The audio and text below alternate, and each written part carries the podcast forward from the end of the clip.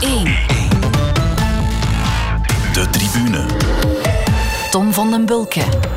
Welkom bij de tribune, of zullen we voor één keer La Tribuna zeggen, want deze extra aflevering hangen we helemaal op aan de ronde van Italië. Girini, volgers van de Giro van harte welkom. Le Grande Partenza. 20 seconden, al dus Radio Corsa. Spettacolo. Gruppo compatto, ultimo chilometro. A domani. Thomas de Gent, solo. Sono innamorato di Marina. Riparte Pantani, riparte Pantani, Bettini si porta sulla Scarponi kijkt achterom. Maar de triomftocht is voor een Belg. Daar ligt de streep. Daar staan de fotografen. Hij wint op de Stelvio. Ongelooflijk. Yes! Well, it's all over for Pantani. He's going to win the stage, and that's a first for four years. And what a four years it's been in between.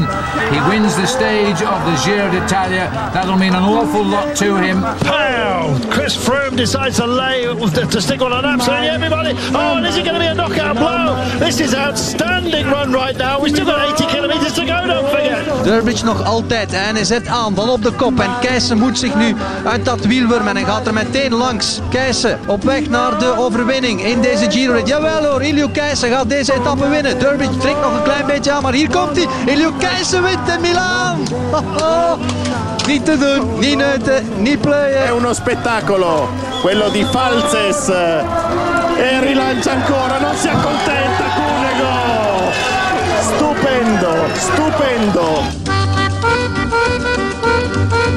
We're waiting to welcome our champion, and Tom Dumoulin. Oh boy, does he deserve this! And he's still powering in it.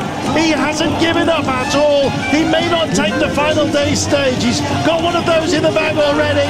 Tom de Dumoulin has done it. All the big guns waiting to launch as Arnaud Demar finds himself vulnerable. He's got one lead out man. They're all coming and crowding around him. Here comes Demar. He's launched the gun on his wheel. Demar is going to lead it out. He's going to go for glory. Nobody's going to stop him. Arnaud Demar the line. He gets the fourth. It's four victories. Marina, Marina, Marina. Ti voglio più presto sposare. Gegenhard neemt in de volledig vlakke tijdrit meteen een voorsprong op Hindley en wint deze ronde van Italië met meer dan een halve minuut voorsprong. Yes! Yes! all of my career I've dreamt of trying to be top five or top ten maybe in a in a race of of this stature. So this is something completely and utterly different to that, and uh, I think this is going to take a long time to, to sink in. Oh no, no, no, no, no. Oh no, no, no, no, no. Oh no. Enkele flarden uit de zeer rijke geschiedenis van de Ronde van Italië. En bij mij twee mannen die het klappen van de zweep in de laars maar al te goed kennen. Dag Renaat Schotten en dag José de Kouwer. Uh, dag Tom. Goeiedag. Goedemiddag. Begint het al een beetje te kriebelen als je dit hoort? Helemaal. Ja, toch wel. Hè. Ja, ik, ik, het is jammer natuurlijk. Hè, José, als je dat dan hoort, dan, uh, dan is het wel jammer dat we daar geen commentaar meer bij geven eigenlijk. Dat is verleden tijd natuurlijk, want jij gaat het niet ter plaatse beleven, hè José? Ik zit hier met tranen in de ogen. de emoties borrelen nu al op. Ja. ja. Heimwee naar de tijden met uh, in de Giro? Mag ik het zo interpreteren? Uh, bedoel je met Renaat of met de Giro? Mm, nee, heimwee, absoluut. Ja, voor beide. Ja. ja. toch wel. Ja, mooie momenten, mooie ronden om te doen. Uh, lekker eten, uh, dan niet alleen, uiteraard niet. Maar een, een, ja, geen ronde van Frankrijk toestanden, makkelijker hotels bereikbaar. Alles is uh, makkelijker, beter. Menselijker. Ja, bijna menselijker. Uh, voor, voor renners en voor volgers. Ja. Hoe vaak zijn jullie samen geweest? Weten jullie dat? Ik zou het moeten reconstrueren. Ik heb er 21 gedaan. Het gros daarvan met jou. Maar ik denk een aantal zonder jou ook wel van die 21. Ja, ja er zijn ook een paar geweest dat ik uh, 14 dagen deed. En dan een week ronde van ja. België. En zo was splitsing erbij gedaan. Maar inderdaad, uh, het staat mij nog heel vers in het geheugen. Mm -hmm. Dus als ik jou zo hoor, José. Als je moet kiezen tussen een Tour of Giro. Dan zeg je doe mij maar de Giro. Of ga je nu de Vuelta noemen? Nee, ja, nee. Het is eigenlijk... De Tour is de Tour. De Tour, daar wil je bij zijn, dat wil je beleven, omdat dat toch wel het grootste van het grootste is. Maar qua... qua ja, gezelligheid, echt leuk naar de koers. Ah, leuk, het is geen vakantie, helemaal niet. Maar, maar het is een, het is een, je ziet daar ook nieuwe dingen. Ik bedoel, je ontdekt daar nieuwe renners. Uh, renners worden daar herboren, sommigen. Mm-hmm. En uh, de Tour is de Tour. De Tour is een, is een zo geëikt patroon en alles is zo strikt en moeilijk dat de Giro gewoon gezelliger is. Ja. Is het ook het mooiste land Renaat? Ja, daarover bestaat geen twijfel natuurlijk. Hè. Ehm, eh, Frankrijk is een mooi land, maar Italië is zoveel mooier. En de slogan van de Giro is ook de mooiste koers in het mooiste land ter wereld. En eigenlijk zitten ze daar niet eens ver af, want eh, de geografische rijkdom van de Laars is echt wel fenomenaal en geeft ook veel voordelen bij het uittekenen van het parcours. Ja, je bent voor de eerste keer geweest naar het Giro in 1996. En eh, wat bleek? Enfin, José de Kouwer was er ook mee, hij zal daarover kunnen getuigen, denk ik. Je moest in de slotweek plots Mark Uiterhoeven vervangen, want die had een hernia. 96 was inderdaad de allereerste keer in het zog van, van Uiterhoeven en, Ja. eh, en José die toen commentaar gaven. Ik herinner me nog altijd als de dag van gisteren de manier waarop wij de Acropolis naar beneden zijn gekomen. José, ik denk dat jij toen met taxa aan mij verkocht hebt als water. En dat is niet goed afgelopen. Griekse sterke drank. Ja, met de Grande Partenza in Goedkope. Griekse sterke drank, ja. Ja. Inderdaad. En de jonge Renaat Schotten meteen het slachtoffer gemaakt. Ja, wel goed, met plezier. En een jaar nadien ben ik dan inderdaad ingevallen omdat... In eh, 97 dan. Ja, in 97, omdat Uitroeven een probleem had met zijn rug. Een hernia. En hij moest naar huis in de slotweek gerepareerd worden. En ik zag dat helemaal niet zitten om op die commentaarspoel te gaan zitten. Waren er niet de man geweest die hier nu ook naast mij zit in deze studio, die is toen op mij beginnen inbabbelen. En uiteindelijk heb ik het erop gewacht. En eh, ja, eh, ben ik door een stom toeval eigenlijk uh, wielercommentator Ja, geworden. kijk, ik heb hier een boek in mijn handen. Je herkent het vast, Renaat. Wielerman in de kop van de koers. En daarin staat dat ook beschreven. Hè. Ik citeer even. Ik zag het absoluut niet zitten om op die lege stoel te gaan zitten. José is op me beginnen in te praten. En ik weet niet of ik zonder hem de sprong had durven te wagen. José, wat heb jij allemaal moeten doen om Renaat van zijn eh, angst af te helpen? Goh ja, angst afhelpen. Ja, het was vooral een beetje overtuigen. Maar ik, ik heb het geluk... Nee, ik heb de pech van iets ouder te zijn. Uh, maar ik kwam natuurlijk wel na Mark Uitroeven. Ja, grote Dat was schoenen. natuurlijk niet de, de eerste, de beste. Dat zijn schoenen die een mens nooit kan vullen. Hè? Ja. Ja, als commentator. Onmogelijk. Gaat gewoon niet. Dus, maar goed, jij bent op me beginnen inbabbelen. En, en uiteindelijk, ik denk dat ik uh, vijf dagen van die stoel stapte met een hemd dat, dat uh, kleefde aan, aan de rugleuning. En de zesde dag was er de koninginnen-etappe.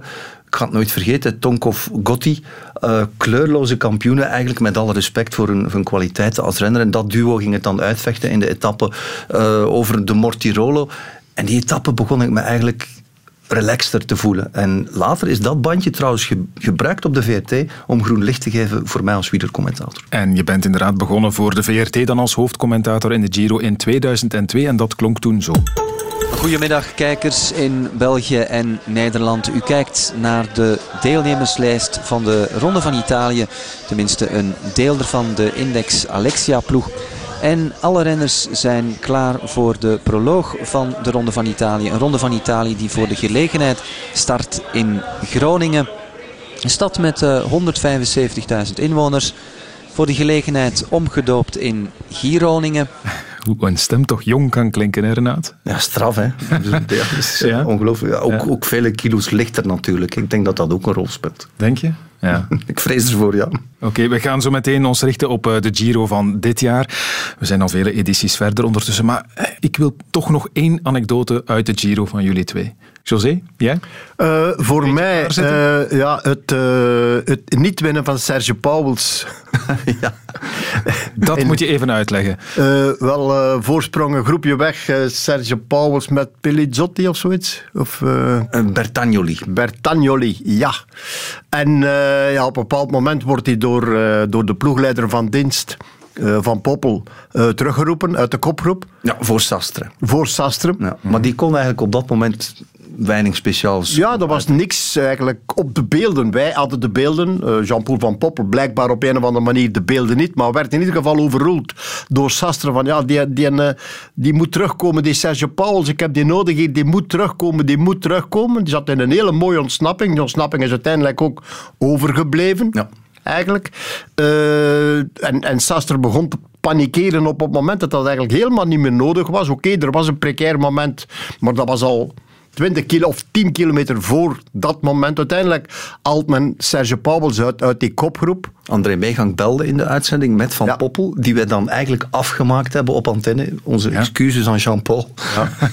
ja, ik ben daar toen van alles gaan zeggen over eh, dat soort die reden toen voor Cervelo. Die fietsen kopen we nooit meer, geen enkele in België. Had ik natuurlijk niet mogen zeggen. Want ondertussen zijn die fietsen nog altijd daar en gaat zelfs Wout van Aert met die fietsen eh, hele mooie overwinningen behalen. Maar ik was zo teleurgesteld in dat verhaal. Blijkt Sergio Paulus ook nog eens nadien, mocht hem toch doorrijden, maar was de vogel gaan vliegen. Wint hij de sprint voor de tweede plaats. Uiteindelijk is Bertagnoli gedisqualificeerd door doping, door het gebruik van doping. Heeft Sergio Pauwels uiteindelijk toch die wedstrijd gewonnen, maar heeft hem er eigenlijk nooit één moment plezier aan gehad. Dus dat is voor mij eigenlijk... Eh, ik was kwaad, maar ik was misschien toch wel een beetje te fanatiek ten opzichte van dat fietsenmerk. Ja, maar dat moet wel iets geweest zijn, denk ik. Want ik moet zeggen, gisteren was ik bezig met deze uitzending voor te bereiden. En ik uh, tik lukraak in op YouTube Renaat Schotten Giro. En wat is het eerste fragment dat je krijgt? Dat bewuste fragment over Van Poppel. Echt waar. Ik, echt waar. Ik ga het straks nog eens ter controle nog eens doen. Maar uh, blijkbaar moeten jullie daar serieus van leer getrokken zijn. Wat zijn ze van plan bij Cervelo? Ze gaan hem laten wachten. dat kan toch niet? Ja, ze gaan hem laten meewerken straks op dat vlakke gedeelte. Ja, oké. En de ritzegen, hup, voetsie. Blijkbaar wel. Een ritzegen, een kans op een ritzegen van 1 op 2. Bertagnoli die kijkt en die niet weet wat er gebeurt. Jongens, jongens, jongens toch. Nu echt doorgaat. Pas op. Hij moet wachten, het wordt bevestigd. Jean-Paul van Poppel is de man die de beslissing heeft genomen bij Cervelo. Ik moet eerlijk zeggen, van Poppel, ik versta hem niet goed. Uh, hij heeft ons al trucken laten zien van uh, mijn Hausler in, de, in Waregem ook. Maar merci Jean-Paul, je bent de slimste. Had de eerste Belgische ritzege kunnen zijn sinds 2006. We zitten in de afdaling. Hij kan hier toch niet wachten. Perke, perke, perke. Wat hij kan doen natuurlijk is van zijn fiets stappen, even staan wachten, plasje maken. Laat het uit Renaat. Ja, maar ja, bedoel, laat het uit. Het is Tien keren van Poppel zeg, laat het uit jongens. Zou dat eens tegen Jean-Paul van Poppel moeten gezegd hebben in de tijd dat hij wielrenner was. Allee jongens, dat kun je toch niet maken voor de tweede plaats, voor de meest ondankbare plaats. Marzano en Paulus die op kop gaat. En Paulus die natuurlijk. verdorie nog altijd sterk is. Paulus die gewoon tweede wordt, jawel. Chutok, een schertsvertoning van Cervelo. Belachelijk. Andere woorden kan je niet in de mond nemen. De tribune. Tot zover de herinneringen aan vroeger en over naar de Giro van 2021. We zijn toe aan de 104e editie met de start op zaterdag 8 mei in Turijn en de finish op zondag 30 mei in Milaan. Wat valt er te zeggen over het parcours? Laat ons daar misschien mee beginnen. En tweevoudig winnaar Vincenzo Nibali mag er als eerste een woordje uitleg over geven. Beh, cosa posso dire? È stato presentato il Giro d'Italia, sono molto contento di questo nuovo percorso. E ci sono tante salite molto importanti di cui alcune nella prima settimana e una di queste salite proprio importante è lo Zoncolan quindi un Giro d'Italia molto, molto particolare c'è sicuramente tutto il tempo necessario per poterlo preparare al meglio e ci vediamo presto un saluto ancora e di niente Ciao. Ik weet niet hoe het Italiaans is van José, maar ik ga in eerste instantie naar jou kijken, Renaat. Vertaal eens, wat vertelt Nibali hier over het parcours? Hij had het over de Zoncolan. Ik heb niet uh, nu zo geluisterd om, om de vertaling dan volledig te geven, maar in elk geval had hij het over, over dat het een mooi parcours is, zoals de Giro altijd uh, is. En, maar goed, ik, ik denk dan eigenlijk meteen aan goed dat hij aan de start zal komen, want zijn start heeft dan een zijden draadje gehangen en uh, met een polsbreuk recent of een gebroken polsbeentje van start moeten gaan in die ronde van Italië. Ik heb er mijn twijfels bij of we de oude Nibali gaan terugzien op dat parcours. Het parcours in een notendop is misschien op papier iets um, makkelijker dan andere jaren.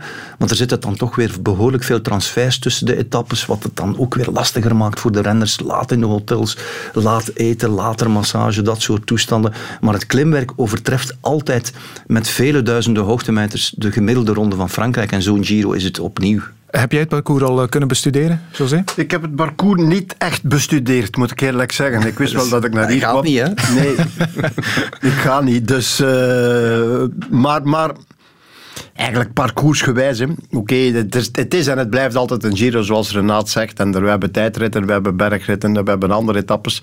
Maar, maar het is... Het is de wedstrijd, hoe wordt die wedstrijd verreden? Dat is een andere, minder gecontroleerde wedstrijd dan de Ronde van Frankrijk. En dat is eigenlijk het, uh, het, het mooie en ook het tricky van zo'n Giro. Die, die is niet zo gecontroleerd. Men gaat, we gaan daar geen gele armada van Jumbo-Visma, uiteraard niet, op kop zien rijden, die gewoon van start tot finish heel de boel controleren en waarbij geen enkele mogelijkheid is voor een arm van Hoeken of voor iemand anders. Dat is daar wel. Ja. En dat is juist het mooie van, van zo'n Giro. Zoals ik net al zei, je, je komt daar nieuwe, nieuwe renners tegen die zichzelf bewijzen. En je komt er anderen tegen die zichzelf moeten herbewijzen op een of andere manier. En dat gaat dit jaar, met, ik kan niet zeggen met een Bernal zijn, die hoeft zichzelf niet te herbewijzen. Die is nog niet weg geweest, toch niet voor mij. Maar toch is dat een soort examen terug. Ja, ja, want eigenlijk kan het ook een strafkant noemen. Hè. Ik denk dat Bernal, gezien het feit dat hij de Tour al gewonnen heeft, voor zichzelf misschien al de rekening had gemaakt, ga opnieuw naar de Tour kunnen gaan. Wel nee, nee, hij wordt door uh, Ineos in de Giro uitgespeeld en dan is dat eigenlijk van moeten. Hè. Dus ik denk dat hij met behoorlijk veel druk van staat. En wat José zegt over Harm van Hoeken en, en andere jonge renners, dit jaar zal er aan Kobe Goossens bij komen misschien. Uh, Harm van Hoeken vorig jaar, voor veel mensen kwam die volledig uit het niets toen hij derde werd op de Etna en daar eigenlijk uit de groep der favorieten wegfladderde om daar eigenlijk een topprestatie neer te zetten. Dat is typisch Giro. Als we dan over het scenario van vorig jaar um, ja, terugdenken, dan, dan dat podium vooraf, dat had niemand durven voorspellen. Hè. Mm. Uh, Hart, uh, Hindley, ja. Kelderman, daar had je schatrijk mee kunnen zijn vooraf. Ja, absoluut. Straks meer over de, de favorieten natuurlijk, maar nog één ding over het parcours. Zitten er gekke dingen in? Want dat heb je alles in een ronde van Italië natuurlijk. Gekke dingen? Ik ben super blij met de, de, de elfde etappe richting Montalcino. Want dat is een, een etappe waar wij, uh, José en ik, veel goede herinneringen aan hebben. Dat is namelijk weer een rit over de Strade Bianche. Rit over de Strade Bianche, waar tien jaar geleden, of was het elf jaar geleden, ja, het was de Giro van 2010, een wereldkampioen won. Die toen eigenlijk misschien de mooiste overwinning van zijn carrière heeft behaald. Cadel Evans in de regenboog in de modder, wat behoorlijk uitzonderlijk is voor de Strade Bianche. Toen mm. hebben we gezien wat de Strade Bianche kunnen betekenen met modder. Eerlijk gezegd, ik bid om regen voor die dag. Echt waar. Ik wil dat ze modderduivels zijn aan de streep, mijnwerkers. Uh, dat zullen wij ook afzien, bij manier van spreken, veel minder dan de renners. Ik zie José al kijken, is daar weer de martelaar uh, bij, of de, de, de, de, de folteraar bij uitstek? Dat is niet waar, hè, José? Toch wel. Ergens, uh, ja, die, ik, ik heb daar nog altijd een klein beetje dat gevoel van ex-wielrenner te zijn. Zo van, oh, die man hebben kou en ik voel dat aan mijn handen. En, en, en ik voel dat, dat zand in mijn ogen, zal ik bijna zeggen. Maar Renati kan ervan van genieten. Ik, ik ook ergens. Ik doe dat als tv-kijker. Ja, maar ik ook ergens. Maar uiteraard, als tv-kijker, als commentator kan ik er ook van genieten. Maar er is dan een klein beetje wielrenner nog dat altijd zegt van... Oh. Ja.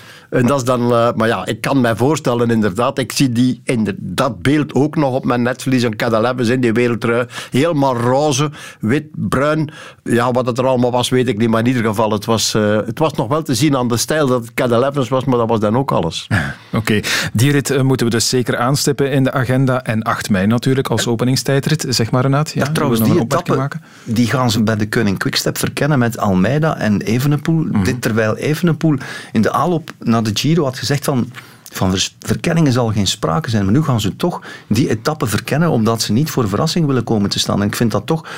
Ja, ik geef het maar even mee. Ik vind het interessante informatie. Hij reist vroeger af alleen al om die etappe te verkennen. Je maakt het perfecte bruggetje, want kijk wie we hier klaarstaan hebben. De zomer is sowieso het, het hoofddoel ja. voor dit jaar. Maar er is een missie om klaar te geraken voor de Giro en te zien of er dat geraakt. Maar de kans is heel groot dat ik daar een ja, klop van namer krijg een dag dat ik bij wijze van spreken op een uur word gereden. Ja. Omdat je hebt drie maanden voorbereiding, geen enkel koers. Ja, vier maanden stil, stilgelegen. Dus je hebt langer stilgelegen dan dat je traint. Maar het voordeel is dus ook mijn leeftijd en mijn talent, zal ik maar ja. zeggen. Dat ik weet van mezelf, ik ben rap terug in orde. Maar uh, het is zonder druk. Het is zonder druk. Je zou willen voor Remco dat het zo is, maar is het echt zo? Wat verwachten wij? Wat verwacht het publiek? En vooral, wat verwacht de toch hyperambitieuze Remco Evenepoel zelf echt? Ja, dit was de thuismatch. Hè. Dit was een fragment uit thuismatch ja, van een tijdje geleden. Februari. Ja, ja ik, zoiets. Ik, heb hem nog wat later gesproken, één op één, heel lang, voor, voor ProCycling, voor een coververhaal met, uh, met Evenepoel. En toen ja, toen zat hij op de tijden om zich voor te bereiden via zijn eerste stage. Zijn tweede die heeft hij dan uh, wat later gedaan op de Sierra Nevada. En toen zei hij, sorry, maar het zal niet voor dit jaar zijn. En dat herhaalde hij tot twee keer toe. En hij zei, ja, ik heb de hele rechterkant van mijn lijf gebroken, dat kan nooit uh, lukken. Dit is voorbereiding op wat komt in de zomer. En dan denkt hij meteen aan de Olympische Spelen uiteraard, maar ook mogelijk de Vuelta. Dus hij ziet het voor zichzelf, of dat is het verhaal dat hij aan de buitenwereld kwijt wil, als een voorbereidingsronde. Of dat dan in de realiteit zo gaat zijn... Ik speel dan de vraag door aan José. Ja, want het is wel Remco natuurlijk. Alles wat die jongen al geprobeerd heeft, is tot nu gelukt, José. Uh, ja, inderdaad. Misschien, misschien dat die val, uh, die verschrikkelijke val, uh, dat die misschien toch iets bijgebracht heeft. Een beetje Zeker. relativiteit. Veel. Zin om het zo uit te drukken. Er is dan de fout, het foutje geweest van de medische staf, vooral van hemzelf, om te gaan overdrijven en van de medische staf om daar niet op in te grijpen. Klopt het dat daar intern bij de Koning Quickstep toch wat vrevel rond geweest is? Dat uh, Patrick Lefevre ja, de medische staf toch eens bij zich geroepen heeft? Hij heeft, uh, hij heeft daar in ieder geval uh, in de pers of openbaar heeft hij, daar, heeft hij daar laten verstaan dat daar een foutje gebeurd is. Maar, en dat is ook, Remco is de vedette van de, van de ploeg, zullen we maar zeggen. De vedette. en daar draait het hem allemaal rond en daar gaat men toch nog altijd iets aan toegeven. Iets meer aan toegeven dan aan een ander renner. En, en door dat toegeven en door zijn gretigheid, vooral door zijn gretigheid, is daar een foutje gebeurd. Dat is ondertussen weg, mm-hmm. weggewerkt, zal ik maar zeggen. Maar dat heeft langs de andere zijde ook wel een les geweest, denk ik, voor Remco, met de zin zo van, ja, ik moet misschien toch eens luisteren naar iemand. Mm-hmm. En zijn lichaam, wat hij niet gedaan heeft. Voilà. Ja, ja. En, en, hij heeft in uh, ja, de hele nasleep van, van die val is hij toch tot bepaalde inzichten gekomen. Ik denk dat hij veel rustiger is geworden.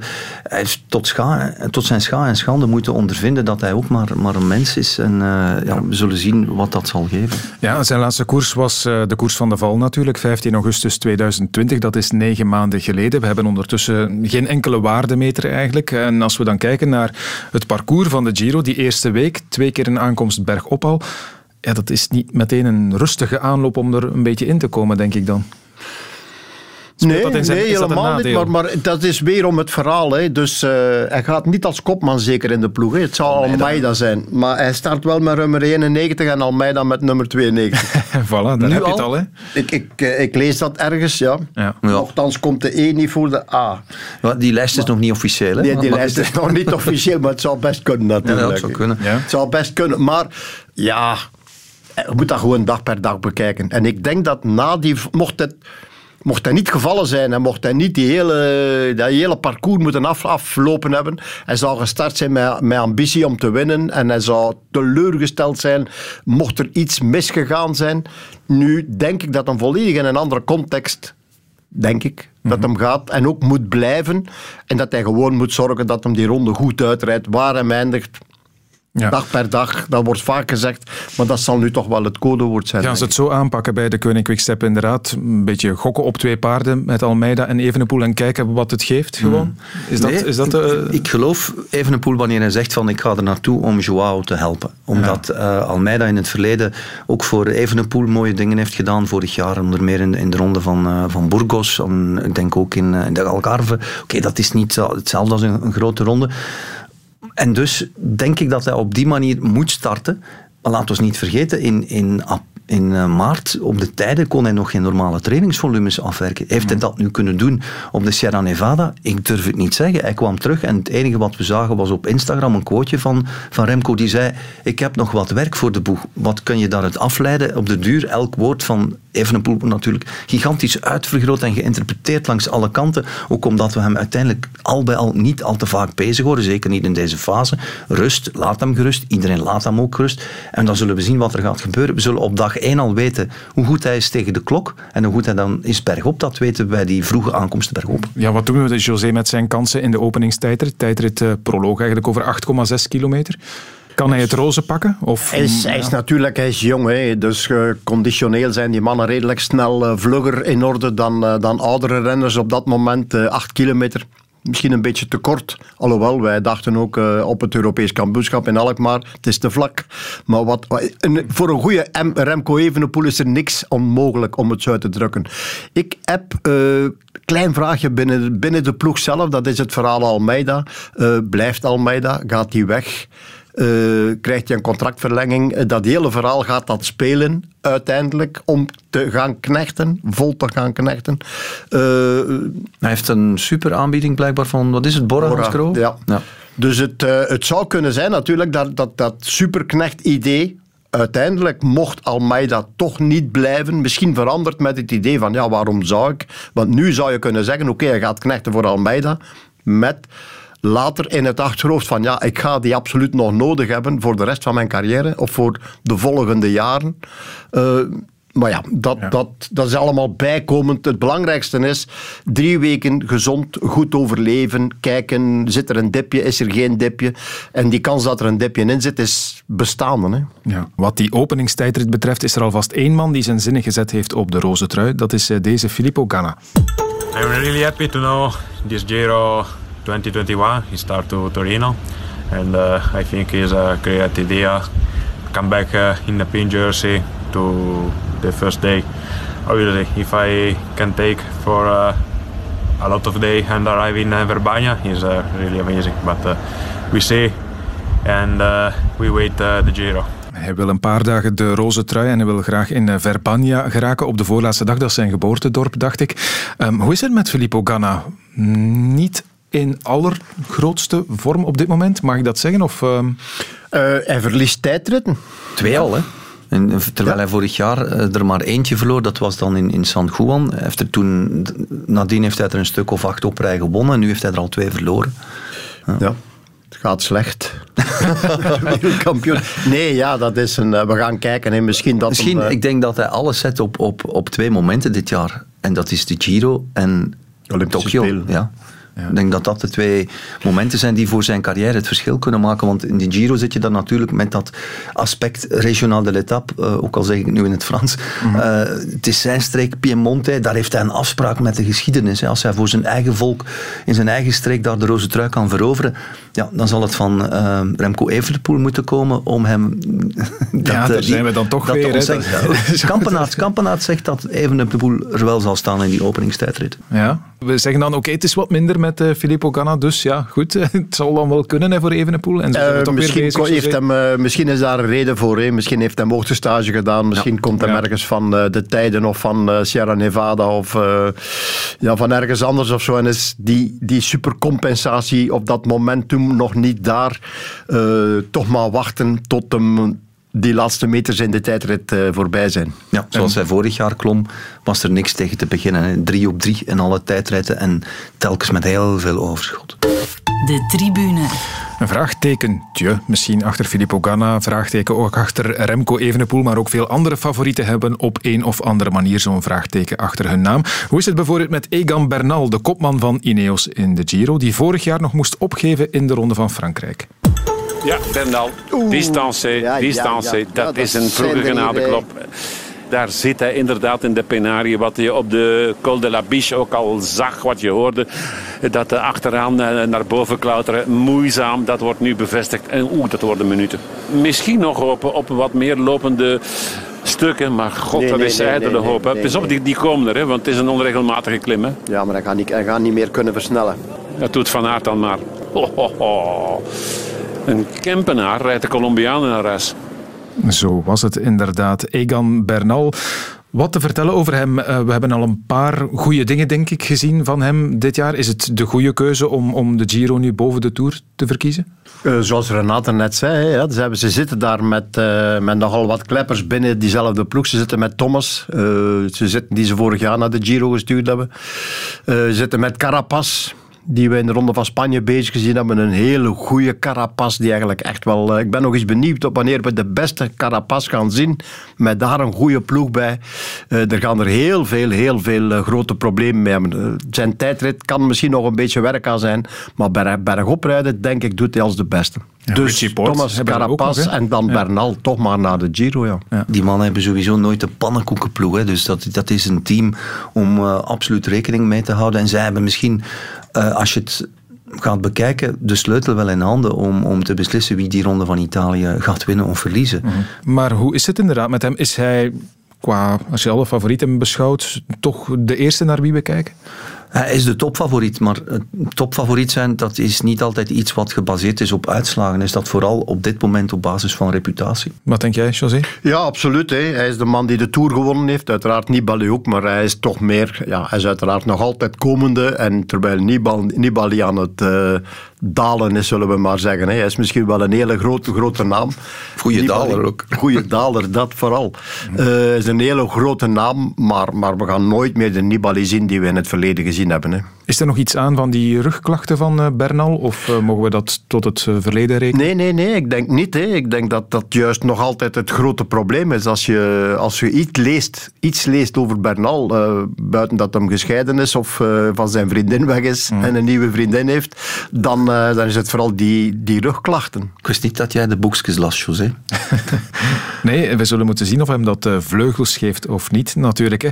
Um, laat ons eens naar de favorieten kijken, nu we toch inderdaad bij Bernal en Co. aanbeland zijn. Aan wie denken jullie vooral eigenlijk? Ik zal de vraag openstellen. Simon Yates. Um, die heeft een afspraak met die Ronde van Italië. heeft daar nog een rekening openstaan. Uh, die Giro van 2018, waarin hij in de roze trui ja, eigenlijk volledig uh, naar de Filistijnen werd gereden. Die legendarische etappe over de Finestre die Froome toen wist te winnen. En Yates is, is super bezig. Dus de andere Yates, Simon, uh, zo net nog... Trentino, tegenwoordig Tour of the Alps gewonnen. Dus ik denk wel dat hij met een hoogvorm aan die, aan die ronde van Italië zal beginnen. Maar de vraag is dan, wat je wel vaker ziet bij winnaars van de ronde van de Alpen, van de Tour of the Alps, hoe lang houden ze die vorm? Heeft hij niet te vroeg gepiekt? Dat is iets wat soms wel eens gebeurt. Ja. Aan wie denk jij vooral, uh, José? Ja, ik ja, inderdaad. Dat zijn, maar zoals, we zijn eigenlijk begonnen met het verhaal van die Ronde van Italië is een open koers. Weinig controle. Niet één ploeg die de ganse dag de wedstrijd in onder controle houdt of kan houden. Dat gaat nu niet anders zijn, denk ik. We zien ook dat de mannen van Ineos iets anders aan het koersen zijn dan in het verleden. Zo van uh, tempo, tempo, tempo. Dat is er een beetje uit. Dat, die ploeg gaan ze daar ook niet hebben. Ze hebben daar wel een Castrovieja en nog andere, maar dat is toch niet die, dat gewicht die ze vroeger bij Team Sky hadden in dat soort wedstrijden. Dus we krijgen een hele open wedstrijd. En dat zou het wel eens kunnen zijn dat uh, een, een, miscontrole of een mistasten in een of andere etappe voor een van de favorieten uh, minuten kan kosten. En dan krijgen we een heel open wedstrijd. We zitten daar met Bernal Sivakov. Sivakov goed, maar toch niet, nog niet zo goed om drie weken lang Vlasov. Maar Vlasov moet ook nog bewijzen om een podium of top 5 te kunnen rijden in een grote, een gro grote ronde. Dan heb je natuurlijk het duo Evenepoel-Almeida.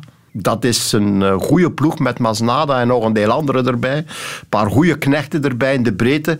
Uh, als die dat intelligent spelen, denk ik dat die heel ver kunnen komen. En die durven meegaan in ontsnappingen. Dus moeilijk te controleren ploeg, die mannen van de Koning Quickstep. Hugh Carty, ja, een, een heel aparte vogel die, die zomaar kan bepalen met wie hij doorrijdt of met wie hij niet doorrijdt. Derde vorig jaar in de Vuelta heeft een, een klimstijl die niet bepaald oogstrelend is, maar gaat verdomd goed bergop. Ja. ja. Dan heb je Soler, ja, dat is iemand die durft. Soler, ja, dat is iemand die, die zichzelf vaak in de vernieling rijdt of al gereden heeft in het verleden. We hebben hem vorig jaar in de Ronde van Spanje bezig gezien. Ja, dat was om te winnen.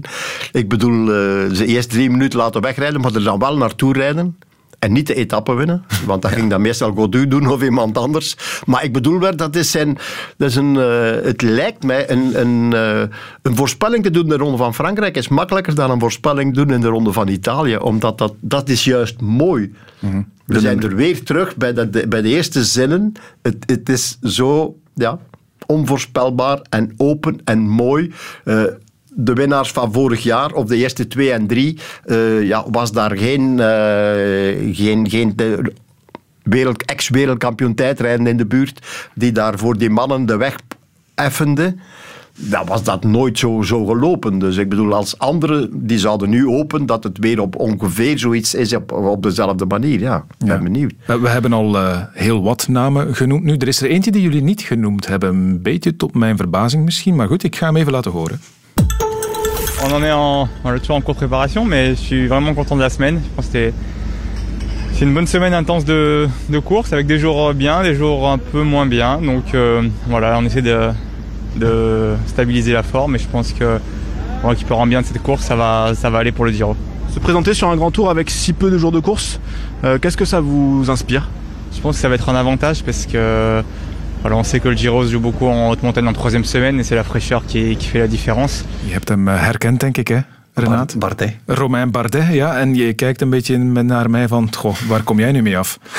Maar we zijn chauvinistisch. Hè. Als het over Italië gaat, dan tellen de Fransen niet mee. Nee, dat bedoel ik niet. Maar um, Bardet is zeker een klant voor, een, voor een goede uitslag, maar je denkt niet meteen aan hem als kandidaat-winnaar. Maar ik dacht dat Bardet toch anders gingen aanpakken nu bij uh, Team DSM. Uh, is wat uh, eendagswedstrijden laten rijden, wat, wat klassiekers. Oké, okay, hij heeft inderdaad meegedaan aan, ik dacht zelfs de omloop het nieuwsblad, mm -hmm. Strade Bianche enzovoort. Maar dan weer een tijdje in de luwte, geen Ardennen-klassiekers. En nu heb je toch weer het gevoel dat het, José, dat het weer allemaal op die grote ronde gezet wordt. Oké, het is niet de Tour, maar het is dan hetzelfde, maar nu in de Giro.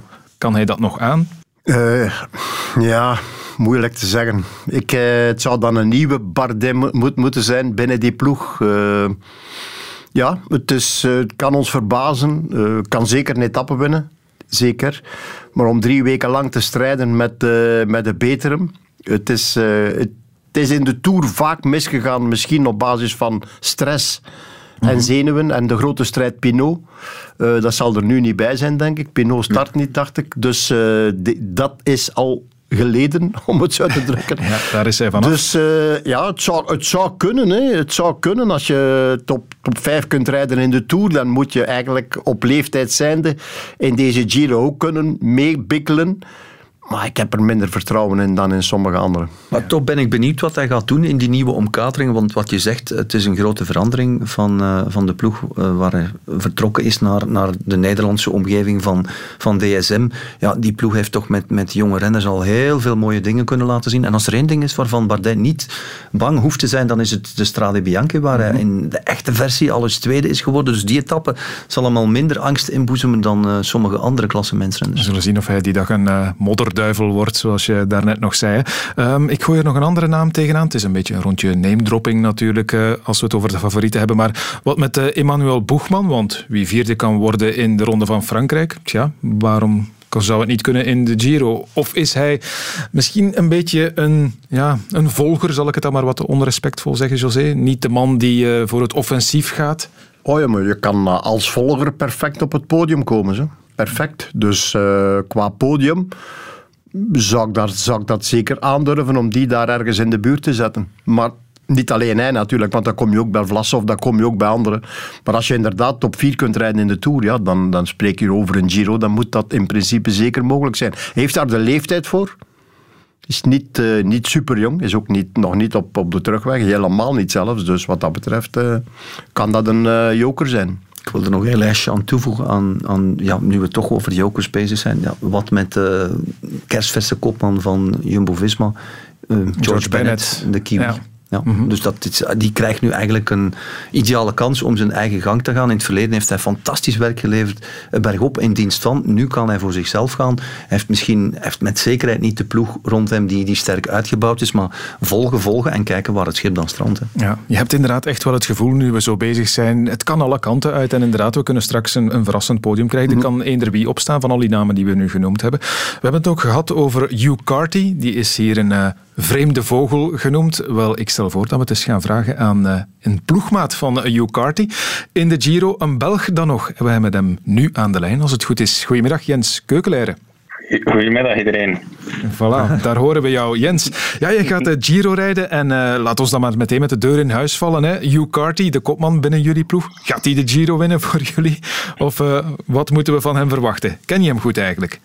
Ja, ik heb hem vorig jaar goed leren kennen tijdens de Dauphiné en de Tour. Ik um, ben eigenlijk meer dan een maand met hem samen in de, in de koersbubbel, uh, ja, samen met hem in de koersbubbel gezeten, dus hem goed leren kennen. Um, ik denk uh, dat hij vorig jaar in de Tour al, al veel meer had kunnen tonen. Uh, was hij niet gevallen. halverwege de Tour had een basje in zijn elleboog. Um, maar daarvoor reed hij eigenlijk al heel vlot dan die, die valpartij heeft natuurlijk wel uh, wat teweeg gebracht. Maar je zag wel dat hij de laatste dagen telkens beter en beter werd. Um, en dat vertaalde in, uh, in een heel mooi resultaat in de Vuelta. Um, hij heeft goed, hij heeft goed kunnen rusten na de Tour vorig jaar. Um, en met alle rust kunnen voorbereiden op de Vuelta.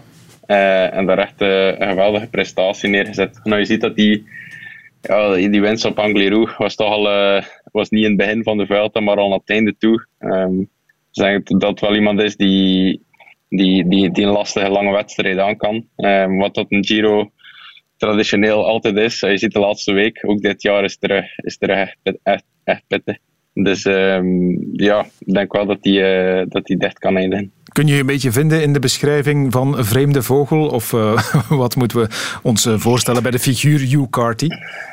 Ja, dat is, dat is die wel. Hè. Je ziet zo'n... je, is, je is niet klein, je is, je is wel mager, maar je is niet klein, gelijk al die... Mm -hmm. Of de meeste andere klimmers, laat maar zeggen. Um, maar je gaat snel bergop. en ik denk dat dat het belangrijkste is. Um, en niet alleen bergop, ook de, ja, tegen de tijden, tijdrit uh, is die ook, uh, is die ook redelijk goed. Uh, goed, Giro dit jaar zit er niet zo heel veel tijdrit kilometers. Um, maar inderdaad, het is, je ziet er misschien een beetje uit als een speciale vogel, maar het is echt een hele goede gast. ik heb daar heel goed mee overeengekomen. Vorig jaar en nog altijd echt een grappige, een grappige kerel. Um, je, heeft, je, heeft, trouwens ook een podcast gedaan met Mitch Tucker, uh, ah, ja. ploegmaat bij mij, die de podcast heeft live in de, in de peloton. Okay. Het is echt een aanrader om ook een keer te luisteren. Het is een hele, je staat met beide voetjes op de grond, heel nuchter in het leven. Maar het is super grappig gast. Dus uh, okay. ja, het is wel een toffe kerel. Dat is een goede tip. We gaan uh, dat uh, zeker eens beluisteren.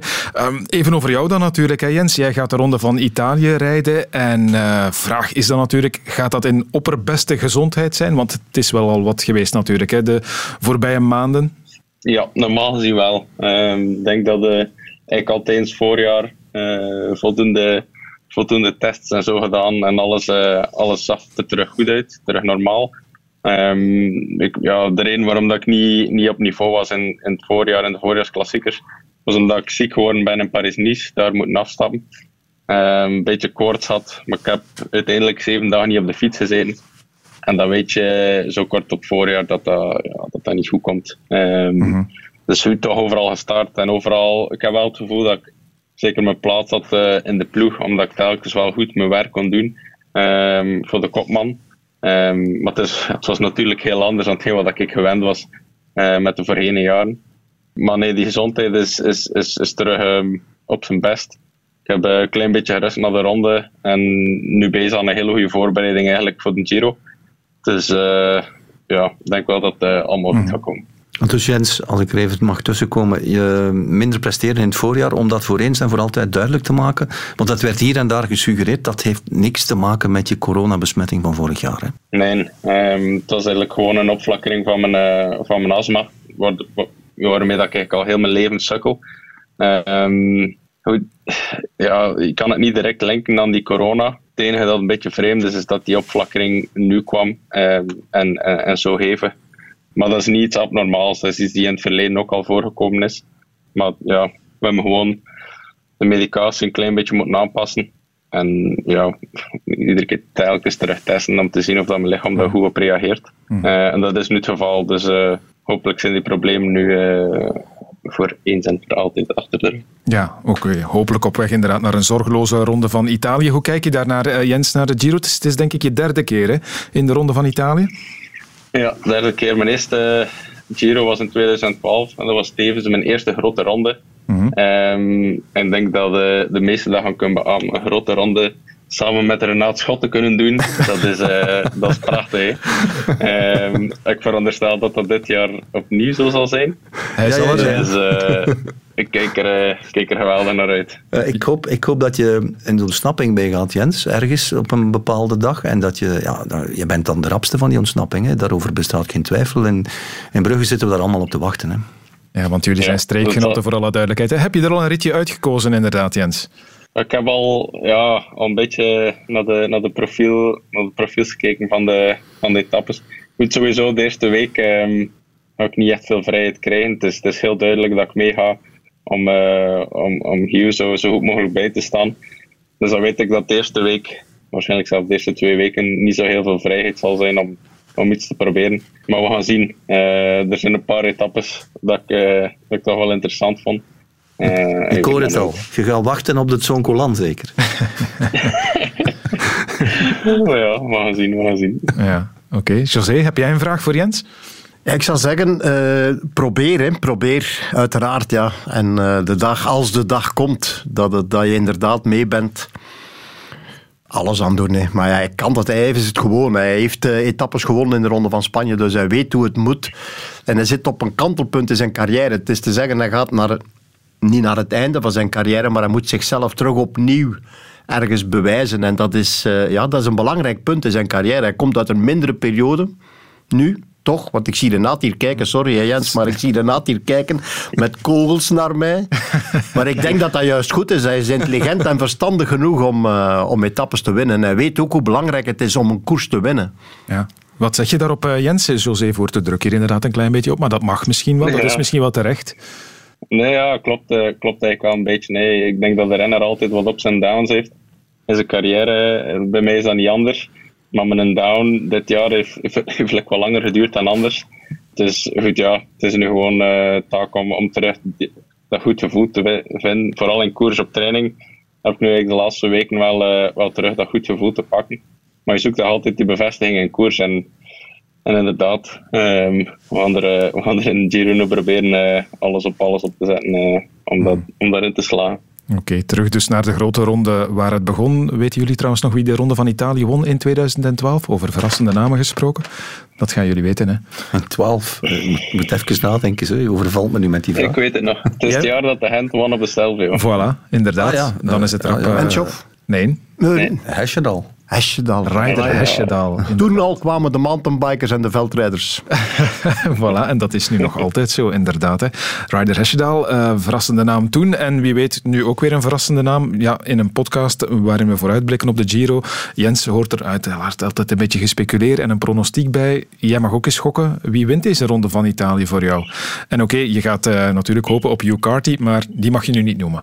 Ja, ik sluit mij gekant bij Renaat. Uh, Simon Yates. Mm-hmm. Ik denk dat, um, ja, inderdaad, 2018 was, uh, was een hele speciale editie voor hem. Uh, hij was er heel dichtbij en ik weet nog dat ik hem kort nadien gesproken had. En hij, hij zei vol overtuiging, ik ga er terug om te winnen.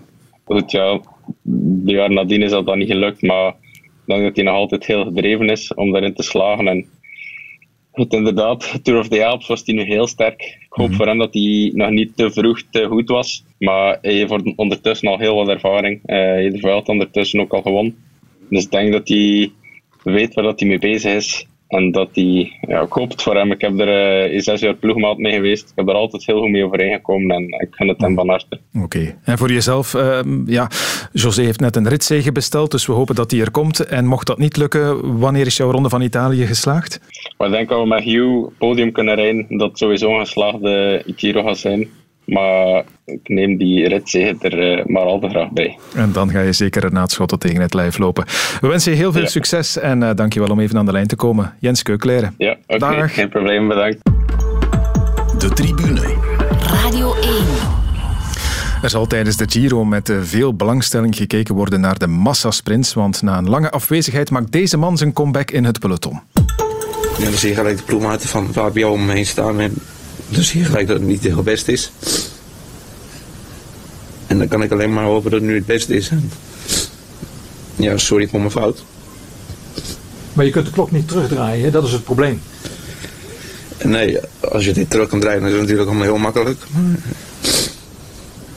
Ja, het is een sprint en daar heb ik, uh, heb ik gewoon een fout in gemaakt om uh, van mijn lijn af te wijken. Ja, dit wordt wel een bijzonder moment, denk ik. Hè. Dylan Groenewegen terug in het peloton. Is het een ja, goede keuze eigenlijk om in de ronde van Italië terug te komen? Had hij niet misschien beter in de luwte teruggekeerd, zoals ook aanvankelijk het plan was, dacht ik? Maar ik heb begrepen dat hij eigenlijk geen andere keuze heeft, omdat bijvoorbeeld die ronde van Noorwegen, waar hij voorzien was, al niet doorgaat. Ik weet niet hoe het zit met Hongarije, maar ik kan me voorstellen dat dat ook een probleem is in deze tijden van uh, pandemie en andere coronavirussen.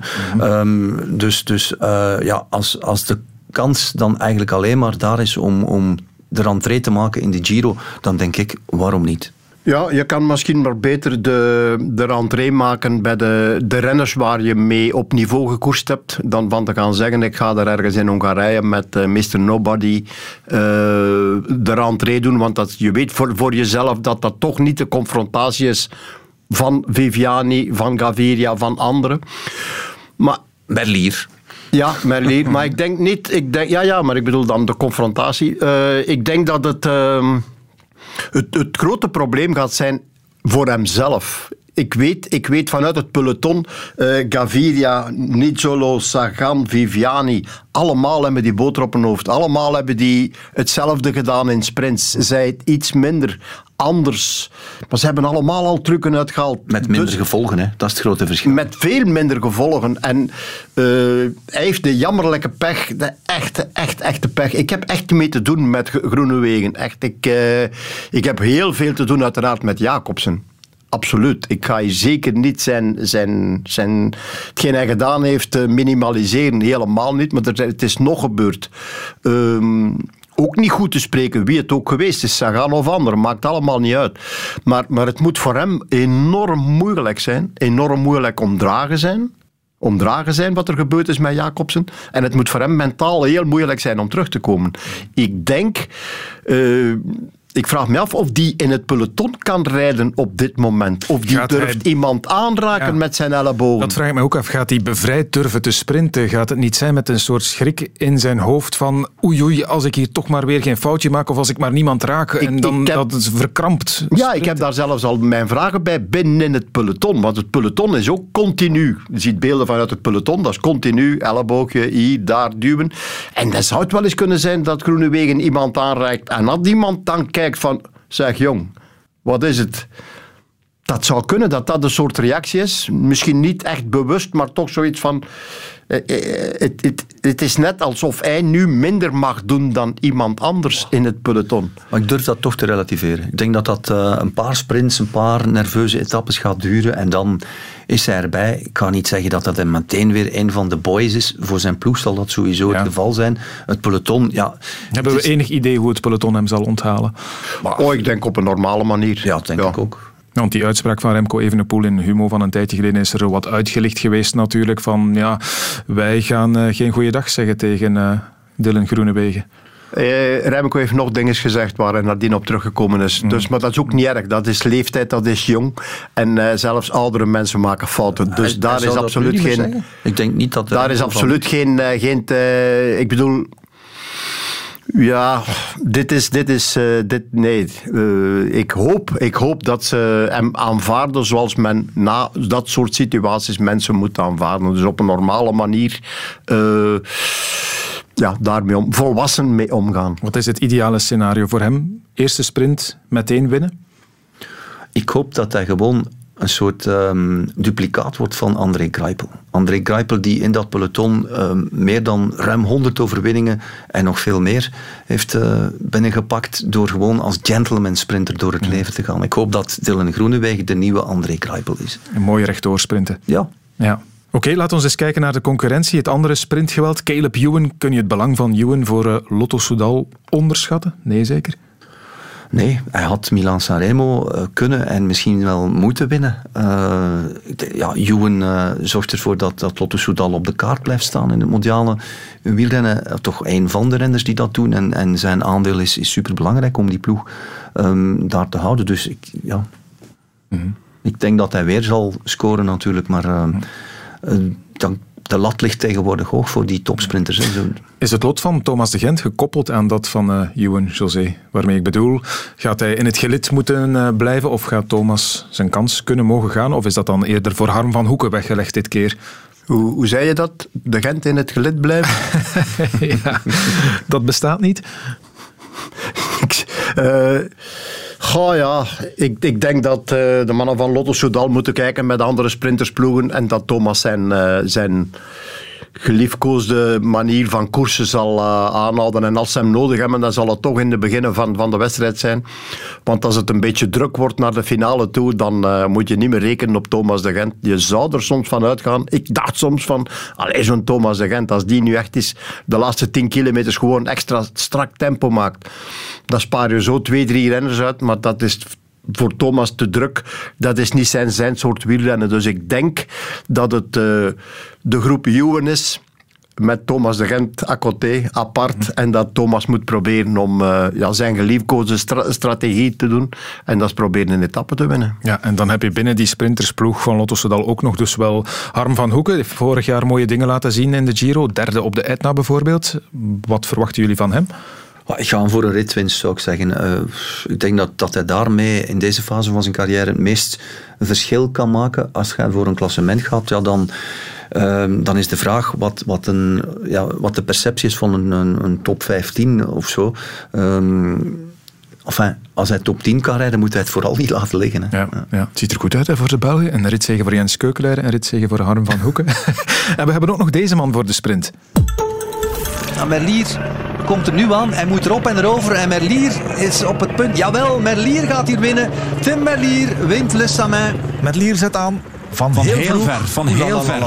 Supersterk. En Voor de de, verrassing. Dupont probeert nog. Dupont probeert naar het Niet wiel van Merlier te, gaan. Nee, nee, die gaat er hier los uitsprinten. Cavendish gaat tweede worden. Valpartij nog in de sprint. Merlier, jongens. Ho, ho, ho. Charny trekt aan. Riccards rol is uitgespeeld. Merlier in tweede Wacht positie. nog even, hij gaat Oeh, nu gaat heel vroeg aan. Pedersen zit in het spoor. Dat is een lange sprint op deze manier. De kan rug. Merlier dit volhouden. Kijk daar ostentatief achterom. De ex-wereldkampioen komt nu bijna zij en zij. Merlier of Pedersen. Merlier gaat hem winnen. Jawel, na Montserrat wint hij ook de Bredene Kokzijde Classic. Tim Merlier. Tim Merlier, winnaar dit jaar van Le Samin, de Grote Prijs Montserrat en de Bredene Kokzijde Classic. Kan hij zich meten met Ewan en Groenewegen? Ik twijfel er geen seconde aan. José? Het, is een, eh, het is een heel aparte kerel. Hij heeft mij nog niks anders dan verrast, om het zo uit te drukken.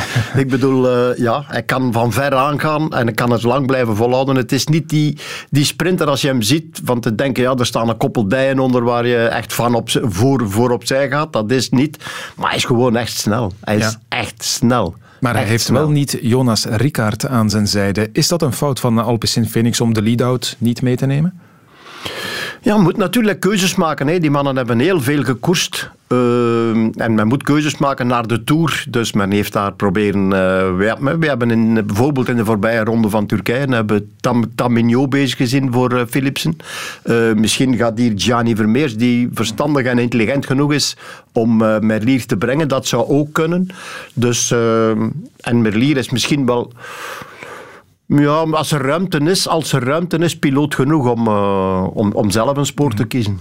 Is Gianni Vermeers inderdaad misschien de man die die rol voor een stukje kan overnemen, denk je Renaat? Want hij gaat dus ook de Giro rijden, Gianni. Als lead-out zie ik hem niet meteen eh, functioneren. Maar goed, hij mag ons eh, verrassen daarin. Eh, Vermeers is, is vooral iemand die eh, gewoon voor zijn eigen eh, verhaal kan gaan, denk ik. En, en de ideale figuur eigenlijk om in een ontsnapping mee te glippen en dat gewoon af te ronden. Maar zo zijn er nog wel... Je gaat er nog een Belgische Belgen. zege bij doen, eh, Renaat. En nog Gianni Vermeers. Quinten Hermans, schrijf die ook maar op. Ja, dat was de volgende naam die ik inderdaad staan had. Want met Gianni Vermeers komen we uit bij veldrijden natuurlijk. En dan kom je inderdaad automatisch ook weer uit bij Quinten Hermans. En die, ja, die kan wel iets, hè, José? Eh, ja, maar, maar toch oppassen, want ik bedoel, nu ga je in één keer weer een stap verder natuurlijk. Ja. Hetzelfde ook voor, voor Vermeers. hè. Maar Quinten Hermans, ja, rijdt eh, veertiende zeker in eh, de Balse Pijl. Ronde Luik-Bastenaken-Luik is dan tegengevallen voor hemzelf. Eh kranten maken daar dan al direct de eerste Belg van in de, De Waalse in, de Waalse Pijl. En gaan dan al direct in superlatieven spreken. Dat vond ik een beetje er los over natuurlijk, want het is maar alle respect, veertiende. Er staat een kerel van 19 jaar voor hem, Ben, ben Tullit. Die is 19 jaar, die staat er ook voor. Dus ik bedoel, eh, het is, het is voor die mannen, zowel voor Vermeers als voor eh, Quinten Hermans, een hele grote uitdaging om op die leeftijd pas je eerste grote ronde te rijden, te kijken, eh, geen fouten te maken, eh, meegaan in een eh, marathonontsnapping die uiteindelijk wordt teruggenomen kan een hypotheek leggen op je ganse ronde of op een ganse eerste week. Dus dat is heel gevaarlijk. Meegaan, meegaan en dan heel gek doen en rijden, rijden om dan uiteindelijk toch ingelopen te worden en daar drie dagen miserie van te hebben. Om dan twee dagen later in een, in een hele mooie koers terecht te komen en dan dat van drie dagen ervoor. Het zijn niet allemaal de Genten die dat kunnen opstapelen. Dus ik bedoel, het is, het is ook leren voor, voor die mannen. Maar als ze erin slagen om er goed uit te komen, krijgen we een betere Gianni Vermeers, een nog betere Gianni Vermeers en krijgen we een nog betere Quinten Hermans. En dan kan die carrière pas echt beginnen. Het zou kunnen zijn dat ze hier een overwinning meepakken en ze hebben daar de mogelijkheden voor. Vermeers is rap, Quinten Hermans is rap in een groepje. Maar het is vooral die ronde uitrijden op een goede, gezonde manier en dan een stap zetten als renner. De laatste naam die ik op tafel leg, omdat we toch bij de sprinters aanbeland waren, Peter Sagan. Zetten we die nog bij de mannen voor de massasprint? Wat doen we met hem? Eh, ja, als er gesprint wordt met een grote groep na een, eh, een geaccidenteerde etappe, altijd. Eh, hebben we onlangs nog gezien in, in de Ronde van Romandie. Eh, maar die pure massasprints, daar denk ik dat hij een tikje basissnelheid tekort komt. Maar dat is ook geen schande, hè, alles behalve. Hij wint wel weer, hè, José?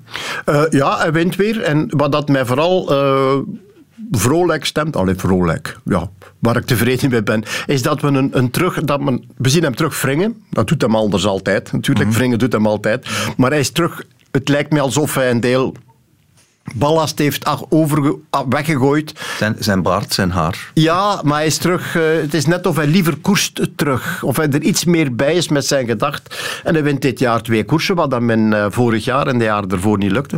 Ja. Hij heeft er eentje gewonnen vorig jaar in de Giro. Hè. Op een fenomenale wijze. Fantastische manier, ja, eigenlijk. Inderdaad, dat is een feit. Ja. Willen jullie dat nog eens horen? Well, he's uh, well inside and under the kite now. 900 metres remaining for Peter Sagan. Frustrated already in the first week. Three times a second place finisher, an eighth place finish to go with that, but not able to mount the top step of the podium. It's been a long, long victory drought, stretching back well over a year. And Peter Sagan finally is going to get his first victory of 2020. He's going to get his first victory in Giro d'Italia. And indeed, it has been a truly glorious, truly beautiful success indeed. He calls for the accolade of the crowd. He's certainly going to get that. Put your hands together, chapeau. What about that? Peter Sagan gets victory on stage 10. Chapeau, dat was een eh, geweldige dag in de Ronde van Italië. En ik hoop dat we nog veel van die dagen zullen mogen beleven de komende weken. Ik denk dat we erop voorbereid zijn. En ik eh, ga deze opname of deze uitzending eh, afronden met de vraag: houden jullie van Italiaanse muziek? Goh, Lasciatemi cantare. enfin, het is vals als een kat, hè, maar goed. Wat. Je voorspelt het al. Je voorspelt het al, Renaat. Ja, ik wou echt wel afronden met een Italiaanse klassieker. En eh, dat is hem geworden. José, heb jij een voorkeur voor een, voor een ander nummer? Want dat kan ook nog natuurlijk. Con te partirò. Nee, nee, begin maar. Navi per mare, che io lo so, enzovoort. En het was Uitroef die Nee, dat destijds ook. Hè. Die Ja, zong dan een hele Giro tot we er horendol van werden. Ja, Nooit gedacht dat ik eh, Renaat Schotten en José de Kouwer nog zou horen zingen en dan nog in het Italiaans ook. We zullen afronden met eh, Toto Cotugno en L'Italiano. Renaat, jij mag de luisteraars uitzwaaien in het Italiaans. Arrivederci e alla prossima. Dankjewel. Lasciatemi cantare con la chitarra in mano. Lasciatemi cantare. Sono un italiano. Buongiorno Italia, gli spaghetti al dente. E un partigiano come presidente. Con l'autoradio sempre nella mano destra, un canarino sopra la finestra.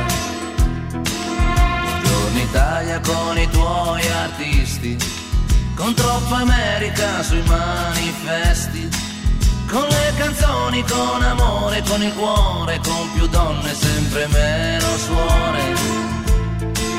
Buongiorno Italia, buongiorno Maria, con gli occhi pieni di malinconia.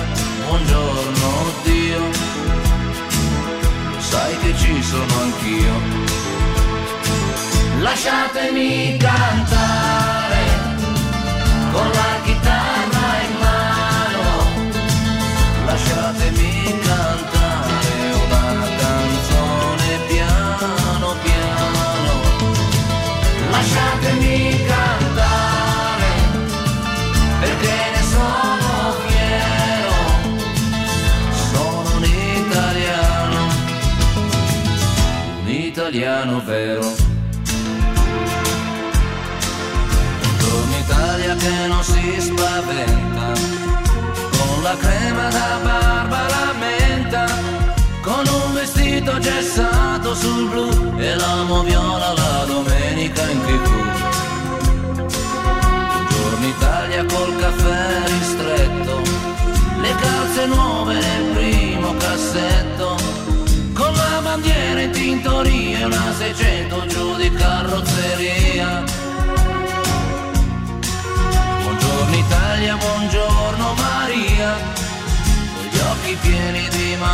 malinconia, buongiorno Dio, lo sai che ci sono anch'io.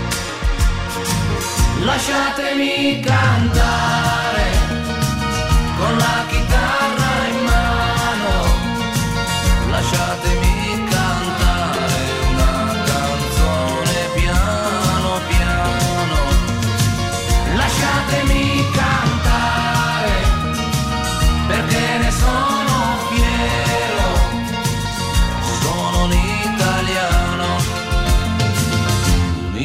italiano vero.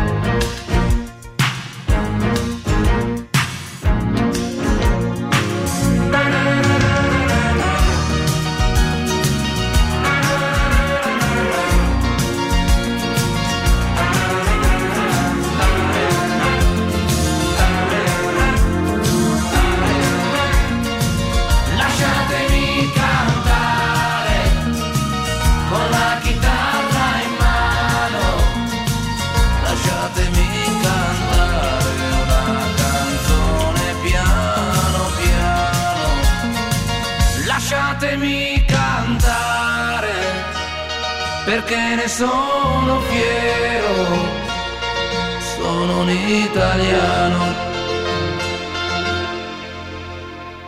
Un italiano vero.